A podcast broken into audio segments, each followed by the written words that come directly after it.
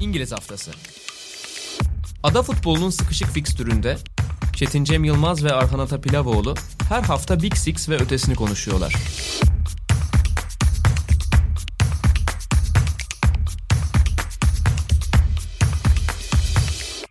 Hepinize merhaba. İngiliz haftasına hoş geldiniz. Sokrates Podcast'te Premier Ligi konuştuğumuz yayınımızla karşınızdayız. Ben Çetin Cem Yılmaz, Arhan Atapilavoğlu ile beraber Premier Lig'de ilginç, keyifli bir haftayı geride bırakmıştık. Onu değerlendireceğiz. Milli aradan sonra önemli maçlar vardı. Ligin iddialı takımlarının bir araya getiren maçlar vardı. Tottenham liderliği aldı Jose Mourinho yönetiminde. Bu yılın flash takımlarından bir tanesi 20 puan ve averajla Liverpool'un önünde. Liverpool'la beraber diyebiliriz. Zirveyi paylaşıyor ama zirvenin şu anda sahibi konumunda Tottenham Manchester City önünde çok değerli, çok anlamlı bir galibiyet aldılar. Liverpool'da Leicester City'yi yenerek ikinci sıraya yükselmiş oldu. Öncelikle bu takımları ve tabii ki genel olarak Premier Lig'in iddialı ekiplerini konuşacağız. Dediğim gibi milli aradan sonra çok önemli bir maç karşı karşıya getirdi Tottenham ve Manchester City'yi. Hem Jose Mourinho Pep Guardiola eşleşmesi belki 21. yüzyılın en çarpıcı hikayelerinden bazılarını yazmıştı. Çok öncesine dayanıyor tabii ki Barcelona, Real Madrid, Barcelona, Inter gibi rekabetleri çok eskiye dayanıyor. O rekabeti bir sayfa daha ekledi bu iki teknik adam. Kazanan Jose Mourinho oldu ve Tottenham'ı dediğim gibi liderliğe taşıdı. Tottenham'dan açalım istersen 2-0'lık galibiyetleri. Şu anda Premier Lig'in lideri konumundalar. Bir şeyleri konuşmak için erken mi yoksa gerçekten artık Jose Mourinho şu anda şampiyonluk hesapları yapıyor mu? Nasıl görüyorsun Tottenham'ın şu ana kadar 9 hafta sonundaki performansı ve tabii ki bu hafta Manchester City'yi de yendiklerini de göz önünde bulundurarak? Abi bence kafasında iki farklı düşünce vardır. Bir şampiyonluğu çok uzak vadede düşünüyordur. Kim düşünmez zaten. İkincisi çok fazla rekabetçi bir lig olacağından zaten bunu çok iyi bilen bir isim. Yıllardır Premier Lig'de Premier Ligi kendi kişiliğiyle en uygun lig olarak atfetmiş bir isim. Bu yüzden bizden çok çok daha iyi biliyor Premier Lig'de neler yaşanabileceğini ama bu sene ekstra fazla bir zirve yarışı var. Manchester City evet yer almasına rağmen hala iddialı ekiplerden birisi. Liverpool zaten zirveyi paylaştığı takım. Tottenham, Chelsea ya geçen senelere nazaran iki takımlı bir lig olmayacak çok aşikar. Bu ikinci, üçüncü haftada zaten kendisini göstermişti. Bu yüzden şampiyonluk kafasında elbette bir ışık olarak vardır ama bence şu an için oraya ulaşmasına gerek yok. O ışığı takip ettiği sürece mutlu bir sonuna ulaşacak gibi Mourinho Tottenham kariyeri. Evet biraz bana da onu hissettiriyor. Yani belki de Tabii ki Jose Mourinho çok rekabetçi bir teknik adam ve hani iyi bir projeye geldiğinin farkındaydı. Geçen sene insanlar belki geldiği konum itibariyle Tottenham'ı biraz hafife alıyordu ama birazcık bir platoya ulaşmıştı belki Pochettino döneminde. Çünkü biraz perspektife oturtmak da gerekiyor. Çünkü bir seneyi doldurdu Jose Mourinho. Tam göreve gelmesinden sonra bir sene oldu. Yıl dönümünden sonraki ilk maçta da Manchester City galibiyeti taçlandırmış oldu. Güzel bir doğum günü hediyesi olmuş oldu bu birliktelik adına yıl dönümü hediyesi diyelim. Şimdi Tottenham gerçekten son yıllarda sürekli oralardaydı. Şampiyonluk mücadelesine direkt olarak giremedi belki. 2016'da Leicester City'nin arkasında kaldıkları seneyi saymazsak ama hep ilk üçtelerdi. Geçen sene Şampiyonlar Ligi finali kaybedildikten sonra sanki Tottenham projesi bitmiş olarak görüyorduk. Ben de bunu hep iddia edenlerden bir tanesiydim ama tabii ki biten Pochettino ile geldikleri yolun sonuydu. Çünkü bir yerden sonra takımlar, oyuncular bir teknik direktörle bir projenin sonuna gelebiliyorlar. Oyuncular biraz farklı bir ses duymak istiyorlar. Teknik direktörlerin bazen fikirleri tükenebiliyor. Yani fikir tükenmez tabii ki de hani o fikirler artık o oyuncu grubuyla işlevmez hale gelebiliyor. Bunlar normal şeyler. Her hikayenin bir sonu olabiliyor. İşte orada biz belki genel olarak Pochettino ile Tottenham'ın hikayesinin bitmesini çok düşündük, konuştuk ve Tottenham'ın aslında ne kadar iyi bir kadro olduğunu ve değerli bir yapı olduğunu biraz hafife aldık. Jose Mourinho da tabii ki göreve geldiğinde rekabetçi olmayı, bu takımı yeniden Şampiyonlar Ligi'ne sokmayı, çok uzun zamandır devam eden kupa hasretini bitirmeyi mutlaka düşünüyordu. Premier Lig şampiyonluğunu hesaplıyor muydu bilmiyorum. Ama şu anki koşullar, olağanüstü koşullar belki onu beklediğinden daha erken getirmiş de olabilir.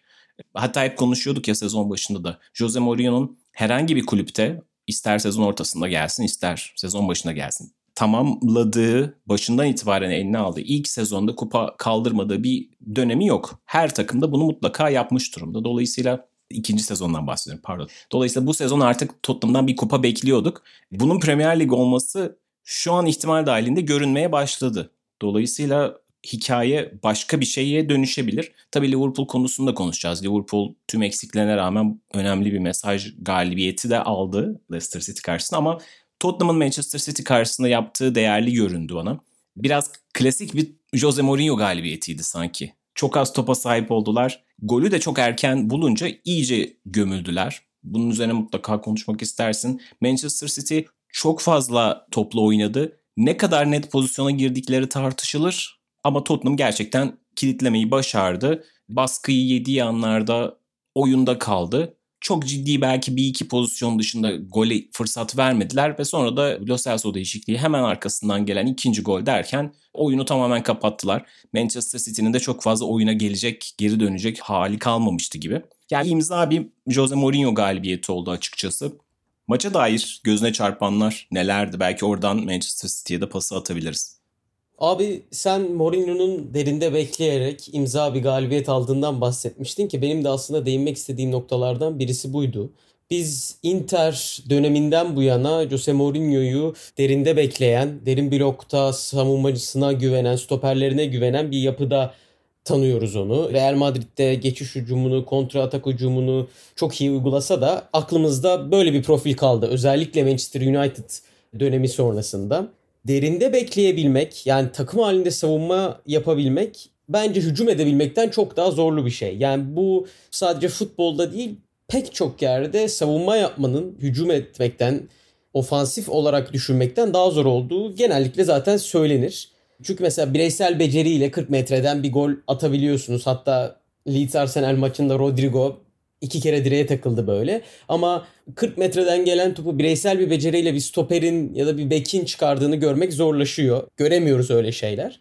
Bu yüzden savunma yaparken bireysellikten ziyade kolektif bir yapı kurmanız gerekiyor. Yani kolektif bir yapıyla hareket etmek iyi savunma takımlarının temelidir. Bu çok önemlidir savunma takımlarında. Yani bunun da temelinde oyuncuların birbirinin arkasını topladığı, birbiri için çabalayan oyunculardan kurulu yapılar görürüz bu yapılarda, kolektif yapılarda. Inter'de mesela aklıma gelen en iyi görüntü Jose Mourinho'nun Inter'den ayrıldıktan hemen sonra Madrid'e imza attığını hatırlıyoruz. Materazzi ile ağladığı bir sekans vardı Bayern Münih finalinden sonra. İnanılmaz bir görüntüydü o. Ne kadar birbirleri için değerli olduklarını yani Materazzi de sonrasında ben işte Mourinho için ölürüm demişti. Keza Mourinho'nun da bu tarz John Terry ile Lampard'la pek çok açıklaması var. Oyuncularıyla çok kuvvetli bir bağ kurabilen teknik adamdı 2010'ların başında 2000'lerin sonunda. Mourinho'nun United kariyeri bunu da aslında lekeledi. Ve biz United'da alışkın olduğumuz Jose Mourinho'nun derinde bekleyen işte savunma yapan Mourinho'nun çağ dışı kaldığını düşünmeye başladık. Neden? Çünkü United'da böyle bir oyuncu kitlesiyle, oyuncu grubuyla bu kolektif yapıyı kuramamıştı. Pogba ile yaşadığı sorunlar sadece Pogba ile de değil aslında. Yani o takımın çok nadir oyuncuları Mourinho ile çalışmaktan mutlu olmuştu ve sonrasında Mourinho'ya dair güzel şeyler aktarmıştı medyaya. O gruptan doğru bir yapı çıkartamadığı için de biz işte Mourinho'nun zamanının geçtiğini, artık özel bir isim olmadığını konuşmaya başladık. Ama Tottenham bahsettiğin gibi aslında Pochettino sonrasında Pochettino zamanında da baskısıyla, presiyle, düşük kalite ama yüksek verimle aklımızda kalan bir yapıdaydı. Ve o oyuncu grubuyla bence doğru eşleşmeyi yapabildi Jose Mourinho. Yani Erik Dyer, Alderweireld hatta All or Nothing belgeselinde Jean Vertonghen hakkında işte o bir savaşçı onu takımda tutmalıyız gibi pek çok böyle sekans hatırlıyorum. Doğru yapıyı, doğru oyuncu grubunu kurdu ve derinde oynatması artık bir sorun teşkil etmiyor futbol severler için. Yani eski kafalı demiyor kimse Mourinho'ya. O böyle bir oyuncu grubundan böyle bir şey çıkartmayı düşündü. City'ye karşı topu alamayacağını çok iyi biliyor. Liverpool'a karşı topu alamayacağını çok iyi biliyor. Onlara karşı topu bırakıyor. Derinde bekliyor. Savunma yapıyor. Ve o kolektif yapı United'da kuramamıştı. Şimdi kuruyor. Ve kurduğu için sonuç alıyor. Ben olaya biraz böyle bakıyorum. Yani United'da da muhtemelen eski kafalı değildi. Zaten toplu oyunla kariyeri boyunca çok fazla ilgilenmemiş bir teknik adamdan bahsediyoruz. Porto'da da geçiş hücumunu çok iyi yapan, Madrid'de kontra atakları çok iyi yapan bir takım hüviyeti vardı. Hiçbir zaman topa tamamen sahip olan, domine edip sete oturan bir hoca olmadı Mourinho. Yani eski kafalıysa 10 sene önce de eski kafalıydı. E, toplu oyunu oynamamak eski kafalılık demek değil bence. Sadece United da bunu yapamadı. Çünkü doğru bir oyuncu grubu, onun için ölen, onun için savaşan ya da takım için savaşan hatta bunu da görüyoruz. Roy Keane geçenlerde öyle dedi. Bu takım için savaşan hiçbir oyuncu yok burada.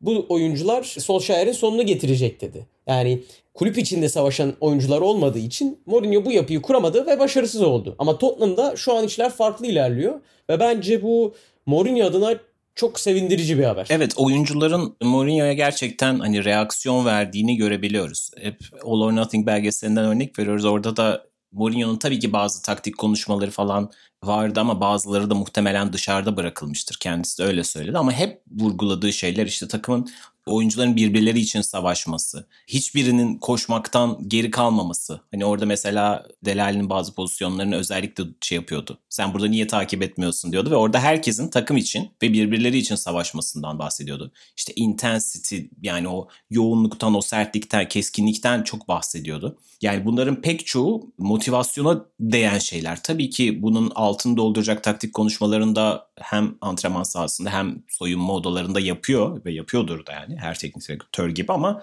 bir yandan takıma bu ateşi vermesi çok değerli. Birazcık tabii ki şu önemli. Hep konuşuyorduk. Şu anda Tottenham ligin ilk düzlüğünü iyi döndü. Buradan sonra çok kritik bir yere girecek diye işte şimdi artık tekrar Chelsea ile oynayacaklar. Önümüzdeki hafta bir bariyeri aştılar ama bir tanesi daha geliyor. Daha sonra Arsenal geliyor ki Arsenal şu anda çok iyi bir dönemden geçmiyor. Bu da bir gerçek ama daha fazla test edileceği maçlar oynayacak. Şimdi mesela şöyle bir durum da var. Tottenham Arsenal'la oynarken Arsenal ve Arteta bu sefer başka bir antitezle gelecek ve Arsenal'de o tip oyunları oynamayı bazen beceriyor. İşte bu tip hikayeler ilginç olacak. Hani hep konuştuğumuz Liverpool bundan 3-4 sezon önce iyi bir kontratak takımıydı, iyi bir pres takımıydı. Topu bırakıp kendisinden daha iyi görünen, daha kaliteli takımları yenebiliyordu. İşte Tottenham'a, Manchester City'ye, Manchester United'a karşı aldığı galibiyetler vardı ama işte Bournemouth karşısında Liverpool da 4-3 yenilebiliyordu. Norwich'i zar zor 5-4 yenebiliyordu. İşte West Brom'la 2-2'lik beraberlikler hep böyle hikayeler çok vardı. Tottenham için evet şimdi bu maçlardan bu sonuçları alıyor Tottenham. Ama işte Newcastle ya da West Ham maçlarında olduğu gibi yakalanmalar, öne geçip maçı koparamamalar Tottenham hikayesinin bir parçası olacak mı? Bu önemli. Şu anda ama ligin yavaş yavaş form tutan 2-3 takımından bir tanesi olduğunu söylemek mümkün. Yani artık biraz zirvede şekillenmeye başladı. Hala çok erken ve özellikle işte Covid yüzünden daha sıkışık fikstürler, oyuncuların her an sakatlanmaya ve hastalanmaya açık hale gelmesi tüm dengeleri değiştirebiliyor. Fakat şu anda Tottenham, Liverpool ve Chelsea'nin yakaladıkları form ve topladıkları puanlarla böyle birazcık hani şekillenmeye başladı, yukarılara tutunmaya başladığını görebiliriz. Hep o yukarılarda görmeye alıştığımız bir takımla Manchester City şu anda çok uzakta kaldılar. Yani hala dediğim gibi bir maçları eksik ve yeniden üstlere tutunabilirler.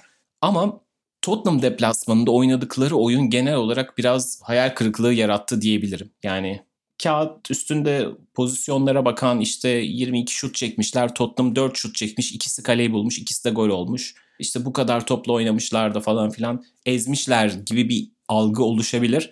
Fakat Manchester City tüm topa sahip olma oyununa karşın bir türlü çözüm üretemeyen ve sürekli sahadaki futbol aklı olan Kevin De Bruyne'in ayağına bakan ve başka da bir planı olmayan bir takım görüntüsü çizdi. Geçtiğimiz haftalarda birazcık özellikle Gabriel Jesus'un geri dönüşüyle beklerinin artan formu hani Walker ve Cancelo'nun çok pozitif katkılarıyla yavaş yavaş eski Manchester City'ye dönüyor gibiydi ama bu hafta oynanan maç bence bir geri adım hissini uyandırdı. Yani Guardiola'nın takımı şu anda artık bu tip maçlarda bir türlü çözüm üretemiyor ve sanki yavaş yavaş fikirleri bitmeye başlamış gibi. Yani çözülme durumu vardır ya. Manchester City bana onu veriyor. Bu kadar kaliteli bir takım tabii ki reaksiyon verecektir. Ama şu anda ligde 13. sıradalar. Ve açıkçası şu anda ligin en üstündeki 3 takımın belki kalite olarak yakınındalar ama performans olarak yakınında görmüyorum açıkçası. Ve o sahadaki az önce bahsettiğim işte keskinlik, o yoğunluk, o ateşi bu takım 1-0 geride ama yine de bu oyuna ortak olacaktır havasını göremediğim gibi Tottenham maçında. Manchester City'de biraz bunlar eksik gibi gelmeye başladı. Sen City'yi nasıl buldun bu maçta? Abi aslında City hakkında çok konuşmak istemiyorum. Çünkü sen de doğru noktalara, benim değineceğim noktalara değindin. De Bruyne'nin ayağına çok bakan ya Guardiola takımlarında bu cümleyi kurmayı çok sevmiyorum. Yani tek bir oyuncunun ayağına bakmak doğru kelime mi bilmiyorum ama gerçekten onun üzerinden dönmeye başlayan bir yapı var. Buna elbet ki bir çözümü olacaktır sene içerisinde Pep Guardiola'nın. Ama ben oyun anlamında evet biz gol beklentisinin, hücum metriklerinin City'nin geçen seneye nazaran çok daha azaldığını söylüyoruz ki bu da zaten oyun olarak da gözüken bir gerçek. Ama ben etkili oldukları dakikalarda yine doğru yapıları kurduğunu hissediyorum City'nin. Sadece etkili olduğu süre sayısı artık sınırlı bence. Yani oyunu yoğunlaştırdığı, yüksek tempoya çıkardığı dakikalarda ki Tottenham maçının ilk 20 dakikası biraz yine öyleydi. Liverpool maçında golü yedikten ve golü buldukları süre arası yine öyleydi. O 15 dakikalar Leeds maçının ilk 15 dakikası öyleydi. Yani belli bir süre City geçtiğimiz seneleri aratmayan bir performans ortaya koyuyor. Evet. Ama yalnızca 90 dakikada 10-15-20 dakika bunu yapabiliyor. O zamanların, o anların sınırlı olması bence şu an City'nin en büyük sıkıntısı. Bu 15 dakikayı 30 dakikaya ya da işte iki yarıda ikişer 15 dakika gösteremediğim müddetçe de City'yi en çok tanımlayan nokta olan yaratıcılık, coşkunluğu azaldığı müddetçe de yukarılara oynaması çok güçlenecek. Çünkü zaten savunması 2 senedir çok sıkıntılı bir takım. Bu sene de aşırı büyük bir yukarı yönlü ivmelenme yok. E böyle olduğu sürece sizin en büyük kimliğiniz olan yaratıcılık unsuru eksik kaldığı sürece en üstlere oynamanız zor. Bir de benim dikkatimi çeken nokta ikinci gol geldikten sonra da ikinci gol kendini göstermeye başladığı anlar itibariyle de City'de bir mental yorgunluk demeyeyim ama mental bir eşik var sanki. Ya o eşiği aşamıyor takım. Mesela West Ham maçı 1-0, 2-1 yapamadı ki 17-18, 18-19 City'nin bunu çok kez yaptığını hatırlıyoruz. Leeds maçı 1-1 oldu, 2-1 yapamadı. Leicester maçında 1-0 öne geçti, tepe taklak bir görüntü. Liverpool maçı 1-0 oldu. Hadi tamam Liverpool maçını saymayayım. Yani bir hedef maçta çok büyük bir maçta geri çeviremeyebilirsiniz ama genel hatlarıyla gol yedikten sonra bir tepki verememe. Ya Sheffield maçında mesela 1-0 yese ne olacak? Çok emin değilim 2-1 yapabilirler mi? Bir mental eşik var sanki City'de ve işler kötü gitmeye başlayınca bu eşiği bir türlü aşamıyorlar. Ya bunu da çözmesi gerekiyor bence. Ya evet 3 puan çok değerli. Onu çok iyi muhafaza etmeye çalışıyor Guardiola. 1-0 ya da bir farklı galibiyet aldığını çok gördük bu sezon. Arsenal maçı, Sheffield maçı, son dakikadaki golü saymazsak ilk haftadaki Wolverhampton maçı. Ama gol yediğinde de sen tepki veremiyorsan işte işler o zaman çok sıkıntıya giriyor. Dediğim gibi o yaratıcı olduğu süreleri arttırmalı ve bu mental eşiği en kısa sürede çözmesi gerekiyor. Pep Guardiola'nın aksi takdirde çok erken havlu atacak ki yani hem kendisi yeni bir sözleşme imzalamışken hem de bu kadar fazla hedefe kitlenmiş takım varken biz de onun bu kadar erken havlu atmasını istemeyiz. Evet yani çok e, e, doğru bir tespit yaptın gerçekten maçların belli bölümlerinde sadece o pırıltıyı görebiliyoruz diye ve evet mental olarak hep duvara çarpmış gibi oluyor. Yani evet Tottenham çok tehlikeli bir kontra takımı yani işte bu numarayı diyeyim hemen her takıma yapıyorlar son zaten artık oktan fırladıktan sonra o geri dönüş olmuyor artık. Müthiş bir şey bulmuş durumda. Hani FIFA'da eskiden böyle oynarken gol teknikleri olurdu. Bir şey yakaladığınızda her zaman yerdi onu oyun. Bu da öyle olmaya başladı. Ama yani bu belirgin bir Tottenham'ın bir silahı ve bunu 5. dakikada yedikten sonra hiç reaksiyon verememek düşündürücü şampiyonluk adayı bir takım adına. Gerçi şu anda çok ufak hani hep hakemler hakkında biraz konuşuyoruz ama ben bu sene konuştuğumuz işte kural değişimleri, lig devam ederken kuralların üstünden geçmeler falan artık iyice kafa karıştırıcı bir hal almaya başladı. Yani Gabriel Jesus'un sayılmayan golü. Evet orada bir koluyla temas var gibi ama bu sene işte kolun üst tarafı değdiğinde el sayılmayacak. Dolayısıyla hakemler bunu net süzebilmek için formaya bakılacak denmişti. Yani forma el sayılmayabiliyordu. Birkaç hafta önce işte Patrick Bamford'ın attığı gol sayılmamıştı Leeds United Crystal Palace maçında. Çünkü omuzu ve kolu offside çizgisini bozuyordu. E şimdi bir hafta verilen şey bir hafta neden verilmiyor falan burada enteresan hikayeler var. Yani burada hakkında vermek gerekiyor Manchester City'nin. Orada bir biri bulmuşlardı aslında. ve sayılmadı ama tabii ki bu tüm maçın hikayesi olamaz. Tottenham hak ettiği bir galibiyet aldı ve Manchester City geçtiğimiz yıla kadar Premier Lig'de son yılların hep standart belirleyen takım olarak şu an o standartın oldukça gerisinde kalmış gibi görünüyor. Oradan Liverpool'a geçelim istersen. Bu hafta lider giren Leicester City ile oynadılar. Leicester City bütün deplasmanlardan galibiyet çıkartmıştı. Dolayısıyla Liverpool'da pek çok eksiği var. Bir de üstüne Trent Alexander-Arnold'un da sakatlığı, Joe Gomez'in de milli takımlardaki sakatlığı ve Muhammed Salah'ın Covid'i eklendi. Ve 6-7 tane 11'inden oyuncudan mahrum olarak çıktı. Dolayısıyla Leicester City'nin bir kez daha bir deplasmandan daha 3 puan çıkartması beklenebilirdi ki bu deplasmanlar arasında Arsenal ve Manchester City de vardı. Fakat Liverpool belli bölümler, çok kısa bölümler dışında oldukça dominant bir oyunla net bir skorla 3-0'lık galibiyeti almayı başardı. Liverpool adına ben çok değerli bir mesaj galibiyeti olduğunu düşünüyorum. Çünkü savunmasındaki 4 oyuncunun 3'ü yani sadece Andy Robertson as 11'den var. Neredeyse yeni bir orta saha. Fabinho, Keita ve Jones vardı. Fabinho belki ideal 11'den sayılabilir. İleride de Salah yoktu. Ama müthiş domine etti Liverpool. Yani hep program başında hani senin Tottenham Mourinho ilişkisine dair söylediğin şey Liverpool'da gerçekten çok kusursuz görünüyor. Yani oyuncular gerçekten forma için, Klopp için ve birbirleri için muazzam savaşıyorlar. Yani Liverpool çok fazla eksiğe rağmen oldukça etkileyici bir futbol sergiledi. Hani daha fazla sakatlık olacak mı bilmiyorum çünkü bu maçta Keita'yı kaybettiler. Artık komedi dizisi haline gelmeye başladı ama daha fazlası olmadığı sürece Liverpool hani 6-7 eksikle de baş edebileceğini gösterdi. Bence bu değerli bir mesajdı. Bir de Jota gerçeği var. Yani sezon başında transferi biraz soru işaretiyle de karşılaşmıştı falan ama hem o üçlüdeki oyuncuların tamamını yedekleyebiliyor. İşte önce Firmino'ya alternatif olmuştu. Mane'nin Covid için kaçırdığı maçlarda onun yerine de oynadı. Şimdi Salah'ın yerine de oynadı. Ve sürekli gol katkısı veriyor. Liverpool adına gerçekten bu sezonun şu ana kadar en parlak isimlerinden bir tanesi. Liverpool-Leicester maçına dair senin gözüne çarpanlar nelerdi diye pas atayım sana. Abi eksikliklerden bahsettin. Kısaca bir hatırlatayım ben. Hatta o kadar çok eksik var ki belki kaçırıyor da olabilirim. Trent yok. Joe Gomez yok. Jordan Henderson yok. Salah yok. Thiago yok. Van Dijk yok. Sanırım tüm eksikler bunlar. Yani böyle fazla eksik City'de olsa ne olurdu diyorum.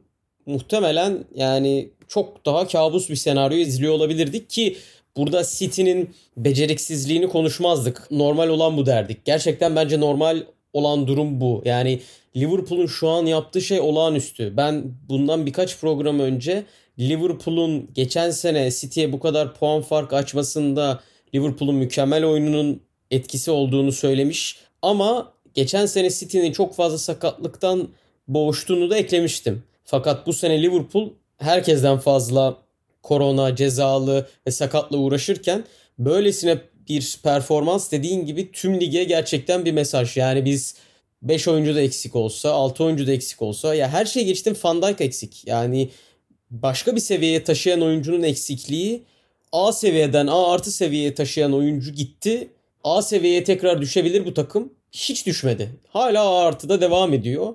Gerçekten çok büyük oynuyorlar. Burada yine mesela Liverpool için her zaman söylediğimiz bir nokta. Hani evet Salah Mane ayrışıyor ama hani takımın en iyisi Salah mı? Evet bir hafta o oluyor. Bir hafta Mane oluyor. İşte şu an Jota giriyor. Bu takımdan kim çıkarsa takım dağılır diyorsun. Salah mı Mane mi Van Dijk mı seçemiyorsun. Yani bütün kesinlikle parçalardan daha üstün durumda. Bu geçtiğimiz senelerde City için de geçerliydi. Fakat bu sene belki de geçtiğimiz senenin ikinci yarısı itibariyle hani parçaların biraz bütünün üstüne çıkmaya başladığını görüyoruz City'de. Kevin De Bruyne'ye bağımlı oyundan bahsettik mesela biraz. Yani ama Liverpool'da bu tamamen ortadan kalkmış durumda. Bu kadar eksiğe rağmen ya Salah korona oluyor yeniyorsun. Mane korona oluyor yeniyorsun.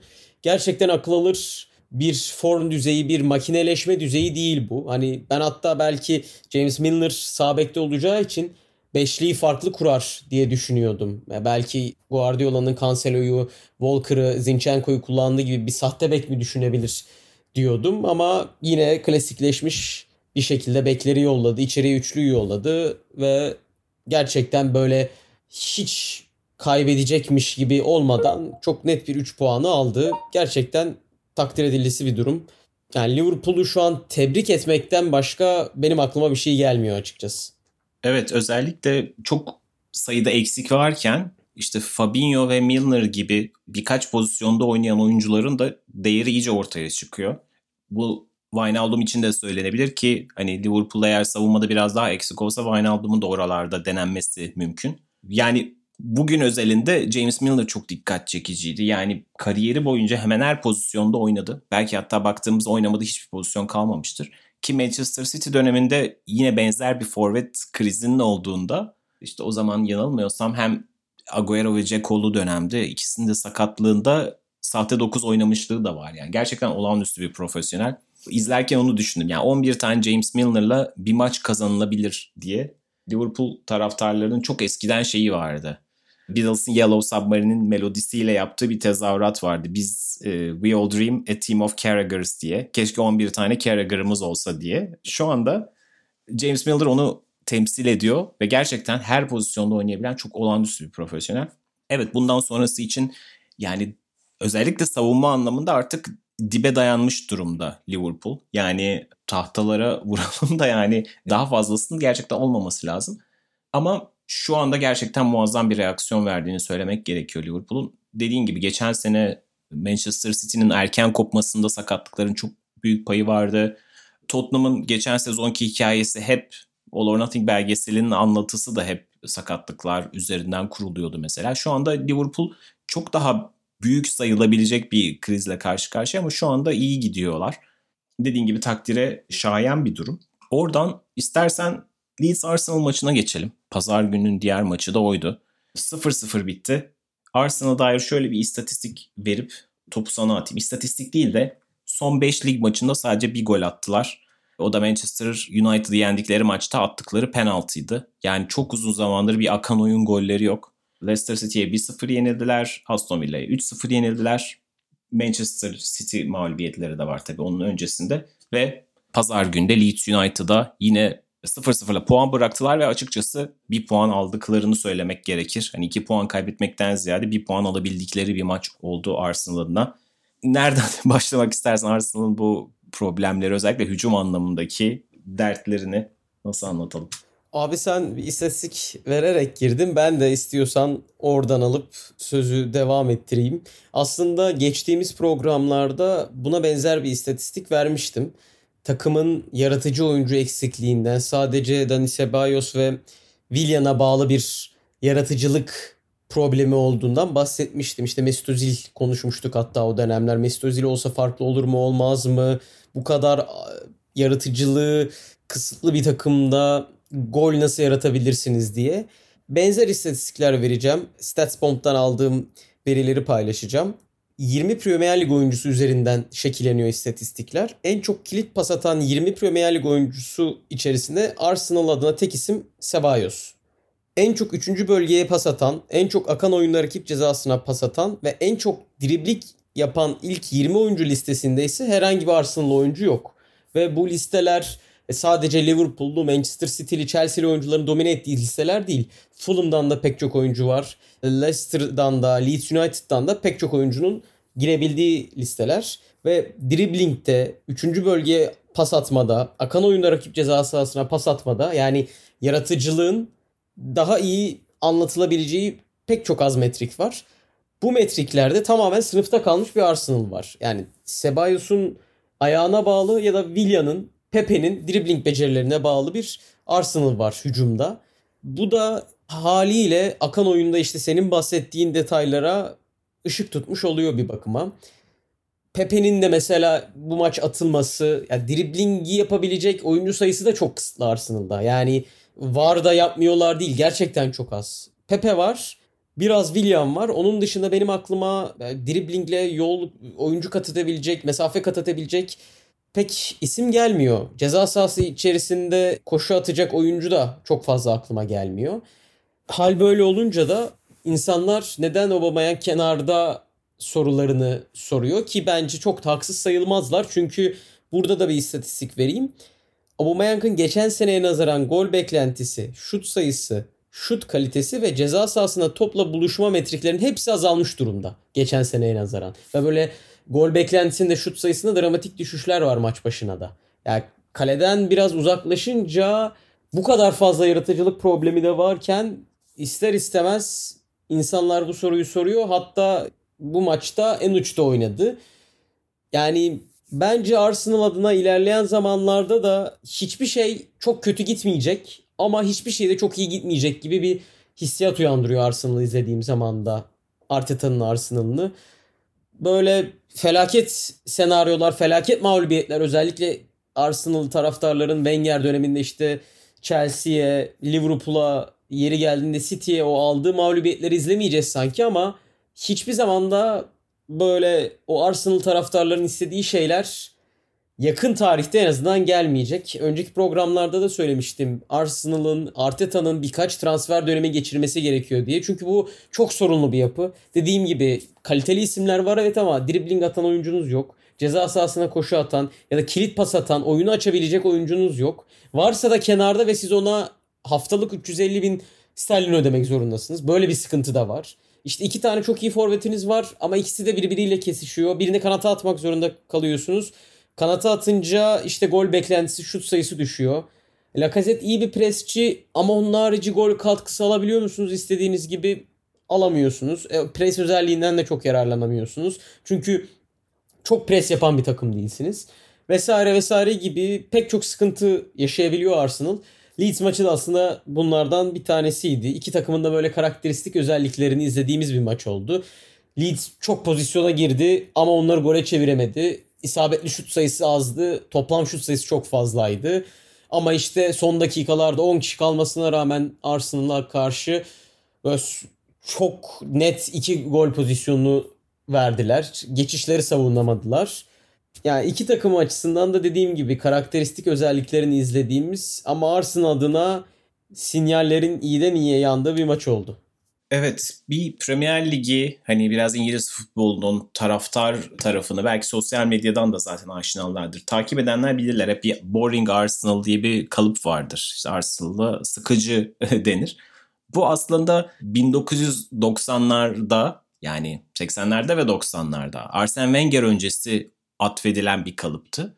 Ve Arsene Wenger döneminde aslında o Arsenal'ın hep yıllar yılı işte 1-0'lara oynayan, 0-0'a oynayan bir takım olmasına atfedilirdi. Bunu tabii ki Arsene Wenger değiştirmişti. İngiltere futbolunun ufkunu açan pek çok değişikliği vardı yani sonuçta çok katı 4-4-2'lerin oynandığı bir dönemden bahsediyoruz. Arsenal'a gelmesi hem oyuncuların yaşayışlarına dikkat etmesi falan filan işi tamamen devrimselleştirmişti. Arteta geldikten sonra da demek istemiyorum. Bunun çünkü bazı problemleri ta Unai Emery dönemlerinde de başlamıştı. Ama Arsenal hani Wenger döneminde kazanılan o zarif futbol hani gerektiğinde hani topla kaleye girecek kadar çıldırtan bir pas oyunu ama bazen sonuç gerektiren maçlarda aşırı naif kalan bir takım ama bazı ideallerden de hiç vazgeçmeyen bir takımdı Arsenal. Şimdi tabii ki her durumda bazı idealler hayatın gerçeklerine çarpar. Arsenal ideali de, Arsene Wenger ideali de hayatın gerçeklerine çarpmıştı. Yıllardır zirvenin çok uzağında kalmalarından dolayı, Şampiyonlar Ligi'nde çok ağır yenilgilerle karşılaşmalarından dolayı bunu zaten yaşıyorduk. Arsenal bir günde vasatlaşmadı. Ama şu an gelinen noktada artık o eski yaklaşık 20 yıllık göze hoş gelen futbolun kalesi olma olayından da geçmiş durumda. Bir de üstüne pragmatik futbol sonuç da vermiyor. Şu an tabloda evet çok hala çok kötü değiller. Birkaç galibiyetle yukarılara tutunabilirler ama dediğin gibi hani hiç çok kötü olmayacak hiç de çok iyi olmayacak görüntüsü veriyorlar.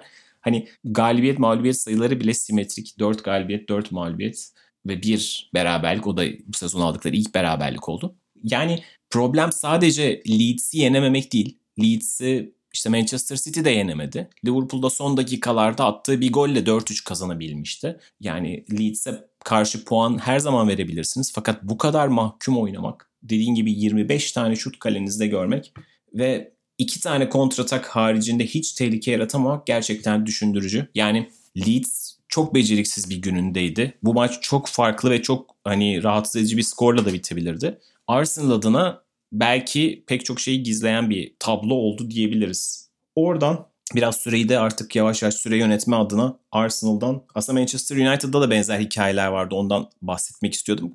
Sadece bir cümleyle geçelim. Manchester United'da evinde e, West Brom'u bir penaltı ile yendi ve bu da iki maç aradan sonra evlerinde attıkları ilk goldü. O son golü de yine Tottenham karşısında ilk dakikada atmışlardı. Yani yaklaşık 300 küsür dakika boyunca evlerindeki ilk golünü attılar ve o gol de penaltıydı bu da penaltı.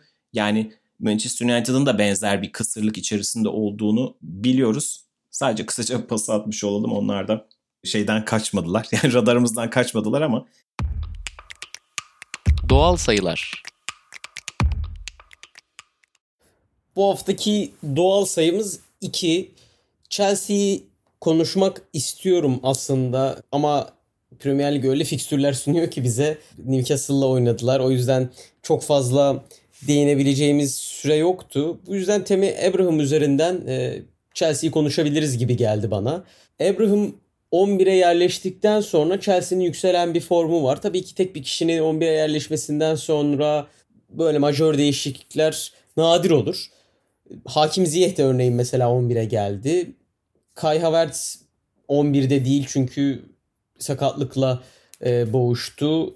Tam bir 11'ini hala kurabilmiş değil Frank Lampard ama Abraham'ın gelmesinden sonra kendisinin özellikle yükselmesi, formunun artması ve farklı oyun profilleri sergilemesi dikkatimi çekti. Çünkü bağlantı oyununda çok kuvvetli bir isim bence değildi e, geçtiğimiz sene. Geçtiğimiz sene hatta böyle çok e, sivrilen gol atması haricinde ya driblingçi bir oyuncu değil. Sivrilen bir özelliği gözüme çarpmamıştı. Ama bu sene Statsbomb'dan aldığım verilere e, biraz göz gezdirdim. Forvetler arasında asist beklentisinde Firmino ile aynı koltuğu paylaşıyor mesela. Hani Roberto Firmino'nun ne kadar çok derine inip takıma servis yaptığından bahsediyoruz. Değerli bir özellik. Maç başına en çok kilit pas atan ikinci forvet ki zaten doğal sayımız da buradan geliyor. Birinci ismin e, şu an Firmino'yu da gölgede bırakan bir isim olduğunu tahmin ediyorsunuzdur. Harry Kane'in hemen arkasından geliyor. Gol ve asist beklentisi toplamında da yine ikinci sırada. Onda da Kane'in hemen arkasından geliyor. Yani oyun kurulumunda çok fazla derine inip Kane gibi, Firmino gibi onu derinde çok fazla görmüyoruz. Fakat aldığı topları çok iyi servis yapan bir oyuncuya yavaş yavaş dönüştüğünü, o pas bağlantılarını daha iyi kurguladığını görüyoruz e, Temi Abraham'ın. Ve sadece hani Firmino'yu mesela pas istasyonu olması ya da servis yapması, pas dağıtmasıyla nasıl yargılamamamız gerekiyorsa çünkü e, gol sayıları azaldığında Klopp sadece o hücumda değil, attığı paslarla da değil, savunma açısından da çok önemli bize katkı sağlıyor diyor. Burada da mesela top kaybından sonra baskı ile en çok top kazanan ikinci forvet. Ya yani Firmino ve Lacazette'in önünde. Hani Firmino'nun bu özelliğini biliyoruz. Hatta az önce söyledim Lacazette'in Arteta tarafından tercih edilmesinin en önemli nedenlerinden birisi baskı üzerine kazandığı toplar. iyi baskı yapması. Burada da önde olması gerçekten beni şaşırttı. E, bu yüzden Chelsea'nin artan formu Evran'la konuşmak istedim. Evet Chelsea'de konuştuğumuz iyi oldu çünkü hem iyi bir form yakaladılar hep eleştirdiğimiz savunma e, problemlerini de çözdüler. Temi Abraham'ın aslında 11'e dönüşü biraz enteresan oldu yani Lampard onu takımın bir parçası yapmak istiyordu belli. Çünkü arada bazı maçlarda oynatıyordu. Bir maçta hangisini hatırlamıyorum. Werner'i dinlendirecekti. Pulisic solda, Temi Abraham ortada başlıyordu. Daha sonra Pulisic o maçın ısınmalarında sakatlandı ve Werner tekrar 11'e döndü. Bu sefer de e, Ziyech de katıldığı için hani bir şekilde o öndeki üçlü oturmuş oldu ve son haftalarda oldukça da iyi iyiler. Tam bahsettiğin gibi aralarında iyi bir kimya oluşmuş durumda. Werner bu hafta atmadı gerçi ama daha fazla gol katkılarına döndü. Temi Abraham da işte gol katkılarıyla skor konusunda etkili. Bir de diğer taraftan Kante'nin 11'e dönmesi de e, yavaş yavaş etkisini göstermeye başladı. Chelsea son 7 maçın altısında gol yemedi. Yani artık evet kaleci sorununu da çözdüler. Kante tekrar formayı aldı. Savunmalarında hem iki bek oldukça verimli. Hücum anlamında da savunma anlamında da.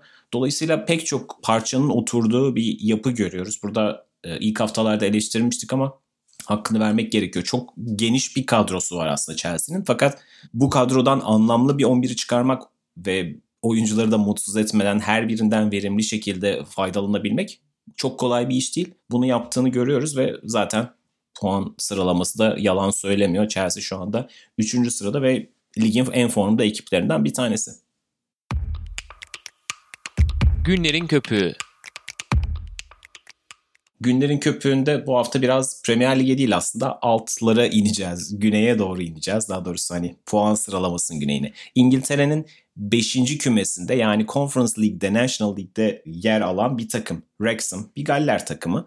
İsmini bu haftaya kadar duymadıysanız bile bundan sonra duyacağınızı tahmin ediyorum. Zira iki tane ünlü Hollywood oyuncusu Wrexham'ı satın aldı. Ryan Reynolds ve Rob McElhenney. Ryan Reynolds zaten Deadpool'dan tanırsınız. Rob McElhenney de It's Always Sunny in Philadelphia'nın yaratıcılarından ve oyuncularından bir tanesi. Bu iki ünlü oyuncu Wrexham'ı almaya talip olmuştu. Beşinci küme takımı olan Wrexham'ı. Ve ardından bu taraftarlar nezdinde, kulüp e, nezdinde oylandı ve Eylül ayında yaptıkları başvuru kabul edildi ve geçtiğimiz hafta itibariyle artık Wrexham'ın sahibi oldu bu ikili. Komik bir videoyla da tabii ki bunu duyurdular.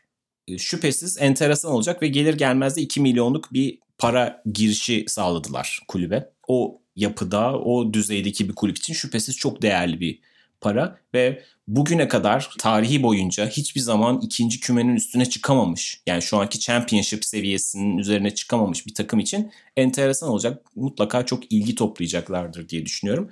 E bu anlamda da Premier Lig'in e, enteresan bazı hikayeleri tabii akla geliyor. En ünlüsü 1980'lerde Elton John'un Watford'un başkanlığını yapması. Hala da kulübün onursal başkanı konumunda. Kendisi bir futbol aşığı Sir Elton John ve tabii ki dünya müzik tarihinin en büyük ikonlarından bir tanesi. Popüler kültürle futbolun buluştuğu ya noktalar hep benim çok ilgimi çekmiştir. Dolayısıyla Wrexham hikayesi biraz bunu anımsattı. E, LeBron James'in aynı zamanda Liverpool'da bir hisse sahibi olduğunu biliyoruz. Steve Nash'in aynı zamanda çok iyi bir Tottenham Hotspur taraftarı olduğunu ve Mallorca ve Vancouver Whitecaps'te hisse sahibi olduğunu biliyoruz. E, aynı zamanda 1992 Class of 92 vardır Manchester United'ın efsane oyuncuları. İşte e, David Beckham, Gary Neville, Phil Neville, Paul Scholes, Ryan Giggs. Onlar da yine alt küme takımlarından Salford City'ye e, sahipler. Yatırımlarını orada devam ettiriyorlar. Bundan sonraki hikayelerde de mutlaka oralarda tıpkı işte Salford City kupada ilerlediğinde insanların gözlerinin döndüğü gibi Wrexham'a da ayrı bir şekilde gözler dönecektir mutlaka. Hani bu sezon değil belki ama şu anda 5. kümede alt sıradalar. Bu sene ne kadar etkiler bilmiyorum ama gelecek seneden itibaren daha enteresan bir gözle bakacağımız kesin e, bu hikayeye. Bilmiyorum açıklamayı izledin mi sen? Böyle komik bir videoyla e, kutladılar bu hikayeyi. Evet. Sosyal medyada en azından ee... şey yapacakları kesin. Aynen öyle. Yani zaten Ryan Reynolds'ın olduğu bir kurum, kuruluş, film ya da her neyse pek eğlenceden uzak olması düşünülemezdi. Dediğin gibi zaten keyifli de bir video ile açıklamışlar. Bu tarz yatırımlar gerçekten sen de bahsettin abi pek çok oyuncudan ya da e, sporcudan yaptığı yatırımları keyifli oluyor. Takip etmesi keyifli oluyor öncelikle. Yani sadece o isimler için takip edebiliyorsunuz. Umarım ilerleyen senelerde hani Championship zaten çok çok uzun bir yolculuk da böyle League 2'da görürsek hiç fena olmaz. Evet futbol ligden yani işte League 2'dan dördüncü kümeden 2008 yılında düşmüş Wrexham. Bayağı uzun yıllardır oradan uzaklar. Oralara geri dönüşü şüphesiz enteresan olacak. Hatta e, takip ettiğim bir e, İngiliz futbol yazarı var ki James Kelly adında. Kendisinin Süper Lig üzerine yazılarını da işte The Guardian'da, These Football Times'da falan okumuş olabilirsiniz. Aynı zamanda Süper Lig üzerine de oldukça e, ilgili bir spor yazarı. Kendisi de bir Wrexham taraftarıymış. Şimdi çok uzun zamandır çok dip noktada bile hala takip ettiğiniz bir kulübün yükselişini görmek enteresan. Bu anlamda insan imreniyor tabii ki böyle hikayelere. Çünkü işte 5. kümede bir takımı tutup tutuyorsunuz, sahipleniyorsunuz Bazen işte o maçlara giden bazı taraftarlar fotoğraflarını koymuştu mesela. İşte bundan bir sene önce kimse yokken biz vardık gibi fotoğraflar falan. Şimdi şüphesiz çok daha fazla ilgi toplayacak ve yükselişe geçecek. Bu anlamda e, o dalganın en başında yer alıyor olmak enteresandır hiç şüphesiz. Dediğin gibi Wrexham'ı pek çok futbol sever gibi biz de bir gözle takip edeceğiz gibi görünüyor. Bu arada o göze ben biraz derine indim e, puan durumunu açtım. Ligin en az gol atan dördüncü takımı 11. sıradalar. 23 takımlı birlikte en az gol atan dördüncü takım olmak pek hoş değil. Yani herhalde 1-0 1-0'la geçiyorlar diyecektim ki zaten öyleymiş. Yani 4 galibiyetleri var. 3'ü 1-0'la geçilmiş. Umarım çok sıkıntı yaşamazlar gol yollarında. Evet dediğin gibi e, bir gözümüzde alt kümelerde olacak Wrexham sayesinde. Premier Lig'de önümüzdeki hafta bir önemli maç daha var. Chelsea Tottenham pazar günü karşılaşacak. Liverpool Brighton deplasmanına gidiyor. Manchester United Southampton deplasmanında olacak. Manchester City e, ligin alt sıradaki takımlarından, problem yaşayan takımlarından Burnley'i konuk ediyor ve bir nefes alma peşinde olacak. Arsenal Wolverhampton'la oynuyor. Everton Leeds United da haftanın enteresan eşleşmelerinden bir tanesi olacak. Ancelotti ve Bielsa'yı karşı karşıya getiriyor. Biz de gelecek hafta tekrar karşınızda olacağız İngiliz haftasıyla. Dinlediğiniz için çok teşekkür ederiz. Hoşçakalın. Hoşçakalın.